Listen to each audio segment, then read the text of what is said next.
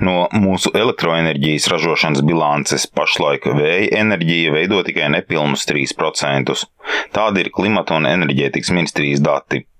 Situācija krasi varētu mainīties pēc pāris gadiem, kad 2025. gadā sagaidāmi jaudīgi vēja parki privātajā sektorā, piemēram, Jelgavas novadā izstrādātajos kūdras purvos.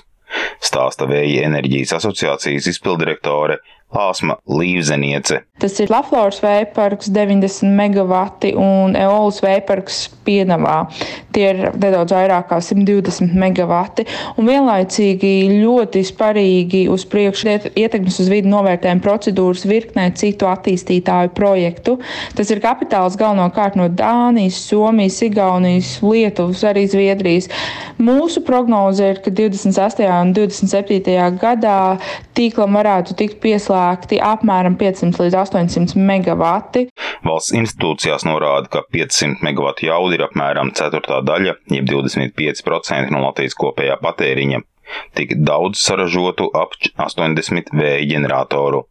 Saskaņā ar Sabiedrisko pakalpojumu tirgus komisijas pārskatu par Baltijas elektroenerģijas tirgu pērnajā gadā Latvija savu elektrības patēriņu nosedz gandrīz 70% apmērā.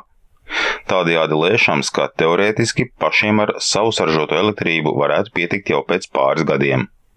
Taču šī enerģija ir arī laba eksporta prece, un daļai tādu mērķi neslēpj Latvijas un Igaunijas vērienīgāko projektu attīstītāji, kas mūsu valstī ievērojums vēja parkus iecerējuši pārdesmit kilometru no krasta kurzemē.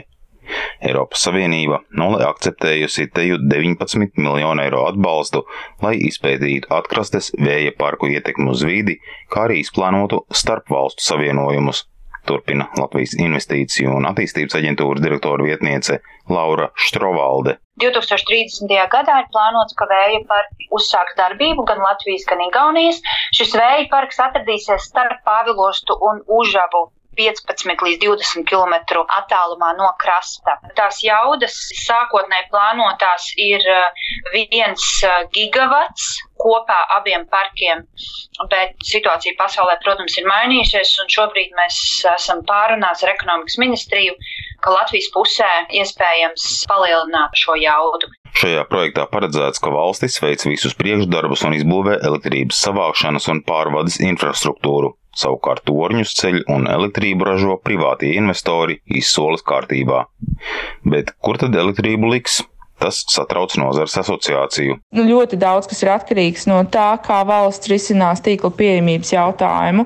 Tas šobrīd ir viens no lielākajiem enerģētikas izaicinājumiem. Investīciju un attīstības aģentūrā norāda, ka investoriem pašiem jādomā, kur vēja saražoto liks.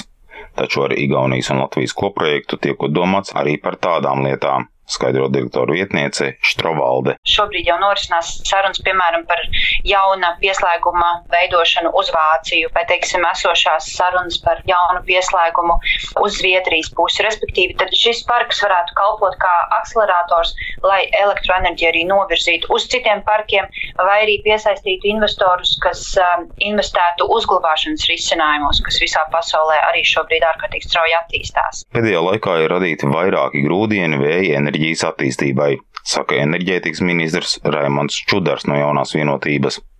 Viņš min Latvijas un Igaunijas koprojektu Elvind, kā arī zaļās gaismas došanu torņu celšanai valsts mežos. Baltijā kopumā, un tā skaitā arī Latvijā, ir vēsturisks iztrūkums elektroenerģijas ražošanā, un, protams, šī iztrūkuma aizpildīšana primāri notiktu tieši ar vēja ģenerācijas palīdzību, bet, ja mēs runājam par turpmāko tieši atkrastes vēju attīstību, kur ir novērtēts potenciāls turpat Baltijas jūrā 15 gigavatu apjomā, tad bez reāla starpsavienojuma savienojuma, šī attīstība ar tik liela apjoma investīcijām būtu vērtējama piesardzīgi. Pašlaik esot parakstīts vienošanās, ka sāks darbu pie starpsavienojuma ar Vāciju, taču šie plāni vismaz pašlaik ir visai teorētiski. Edgars Kupčs, Latvijas radio.